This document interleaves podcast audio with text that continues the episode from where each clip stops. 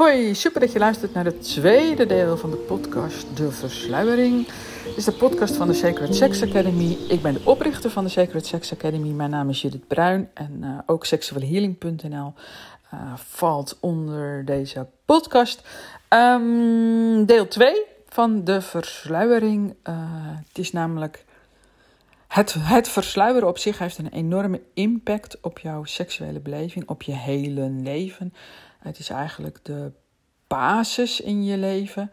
Of de, nou, de basis is natuurlijk gewoon je seksuele essentie al. Maar het is een enorme belangrijke manier van beschermd worden in het leven op een natuurlijke wijze. Zodat je op de juiste plek, op de juiste tijd bent. Hoe heler jouw sluiers zijn, hoe leuker en eenvoudiger ook jouw leven wordt. Dus ook je seksuele leven. Um, het ontsluieren en versluieren loopt dus in omgekeerde volgorde. Dus we hebben in de vorige podcast 1, 2, 3 versluiers gehad. En dat is bij het ontsluieren um, 7, 6, 5. Hm, ja, mm, lees ook, ook gewoon de e-boekjes hierover als het verwarrend wordt. Waar het om gaat, we gaan nu verder met de vierde versluiering. Dus je bent al geboren. Uh, je bent ook over de buik naar boven geglibberd en, en, je ligt aan de borst te drinken. Idealiter. En ik weet dat niet iedereen borstvoeding kan en of wil geven. En dat, dat is, dat, is geen goed of fout. Dat is soms dus ook gewoon een keuze en dat mag.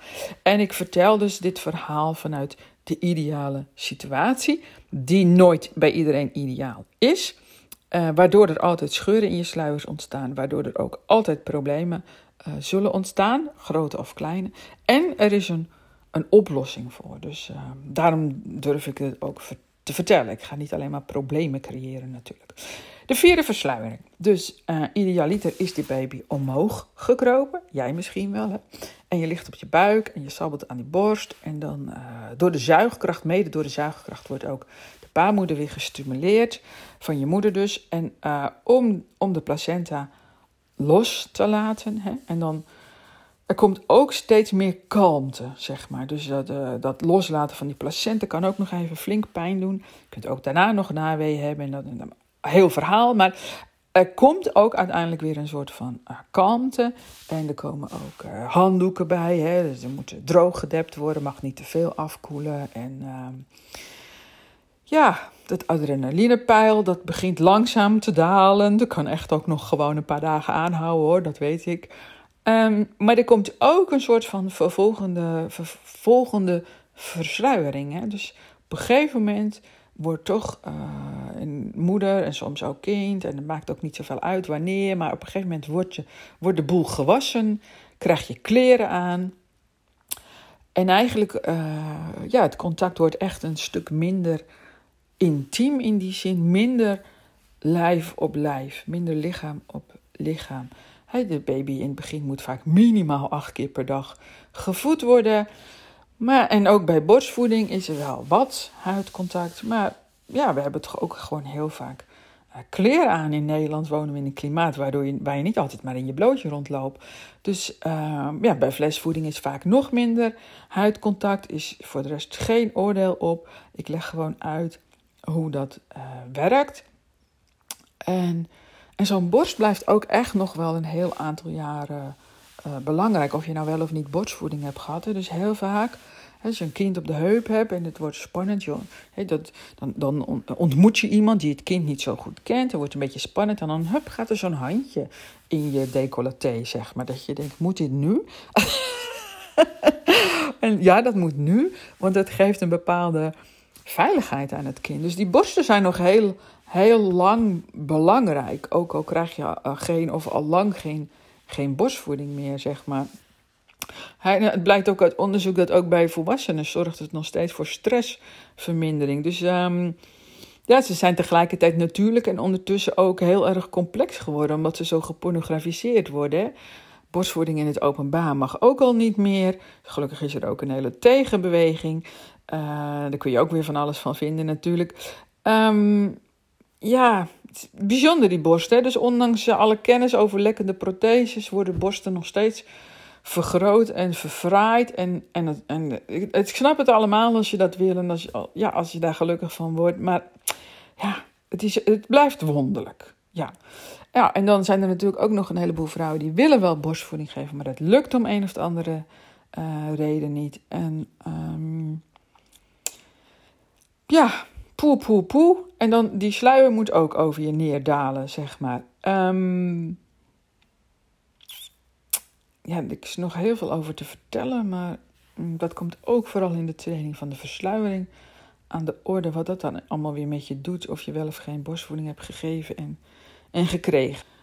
We gaan verder met versluiering 5. Um, ehm, je beweegt je eigenlijk zo langzamerhand steeds verder weg uh, van je moeder. Hè? Dus dit is een iets langere periode. Die eerste sluiers dalen vrij snel achter elkaar uh, over je heen. En dan komt er steeds meer ook tijd tussen. Want uh, ja, dat van. Je gaat in, in stapjes ga je weer verder van je moeder vandaan. Eerst ben je nog heel veel uh, op schoot bij je moeder. En ik zeg steeds het woord moeder, maar het kan net zo goed een vader of een andere verzorger zijn. Hè? Maar iemand waar je je aan hecht. Idealiter gezien heb je iemand waar je aan hecht, of twee iemanden. En de, daar ga je steeds verder bij vandaan. Eerst ga je rondkruipen. In eerste instantie word je al door gedragen, want je kunt nog helemaal niks. Op een gegeven moment kun je zelf kruipen. Kruip je het hele huis door. Er is al een enorme uh, ruimte. Je wereld wordt groter. Dan mag je ook buiten kruipen en lopen en aan de hand. En op een gegeven moment uh, ga je vroeg of laat, kan ook heel vroeg zijn hoor, ga je logeren bij opa en oma of wie dan ook. En uh, ja, je vader en moeder uh, die afstand wordt groter, dus er komt alweer een volgende sluier over je heen. Hè? Op een gegeven moment ga je natuurlijk ook naar school. En school zou dus een veilige omgeving moeten zijn, maar dat is het uh, bijna voor niemand. Zelfs niet als je fantastische herinneringen hebt aan school. Nou ja, waarom niet? Uh, dat zeg ik natuurlijk ook weer heel bot. Nou, in ons schoolsysteem word je eigenlijk gestraft voor het maken van fouten. Dat is een rode pen. En je wordt beloond uh, voor het verwijderen van jezelf. Het, en daar bedoel ik mee de afstand tot jezelf creëren. Dus helemaal naar je hoofd gaan. Je lichaam zo min mogelijk bewonen, naar je hoofd, kennis opdoen. Kennis is macht. En je moet het allemaal begrijpen met je hoofd. Dan zit enorm veel wijsheid in je lichaam en dat mag je dan niet, niet zijn. En dat leidt ook onbewust, want niemand doet dat expres. Hè. Er zitten misschien nu uh, juffrouw en meesteren te luisteren en denk je, jeetje, word ik weer aangevallen? Nee, dat is het systeem wat we met z'n allen creëren. Dus daar zijn ouders net zo goed verantwoordelijk voor. Dat doen we met z'n allen. En um, ja, het zou dus een hele veilige situatie moeten zijn, waarin je vooral jezelf leert ontplooien. En dat is het heel vaak niet. Het is heel vaak een onveilige situatie, want je wordt uit je lichaam getrokken. Dat is in mijn visie per definitie onveilig. Dan is er ook nog heel veel natuurlijk gewoon pestgedrag, zichtbaar en onzichtbaar. Nou, dat is ook een hele andere podcast weer. Um, en het blijkt gewoon dat je veel sneller leert in een veilige omgeving. Als je fouten niet ziet als een fout, maar als een ervaring en gewoon het leren als een spel. Um, in onze cultuur moet je eigenlijk je best doen om uh, geen rode streep te krijgen, maar stickertjes van de juf, zeg maar. En uh, je wilt ook niet uitgelachen worden, niet gepest worden. En daardoor maak je je ook vaak kleiner dan je, wie je eigenlijk bent, wat je kunt zijn, wie je, want, wie, dat je jezelf kunt zijn. En daardoor word je ook gewoon niet wie je eigenlijk uh, bent. Um,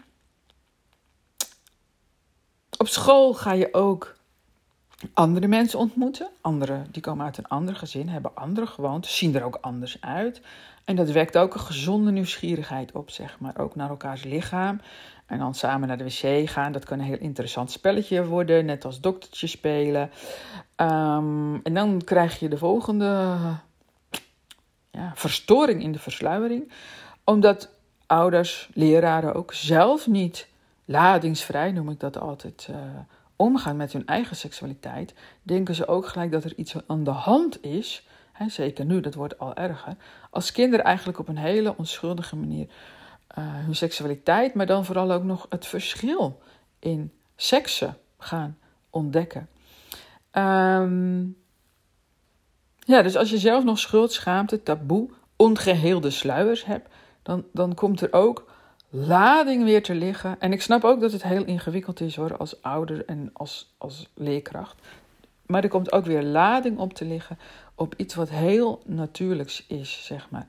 En natuurlijk heb je ook grenzen nodig en ook seksuele grenzen. Dus daar moeten soms kinderen ook weer in begeleid uh, worden. En sommige grenzen ontdek je ook pas als je er net, net hè, overheen gaat, zeg maar. Um,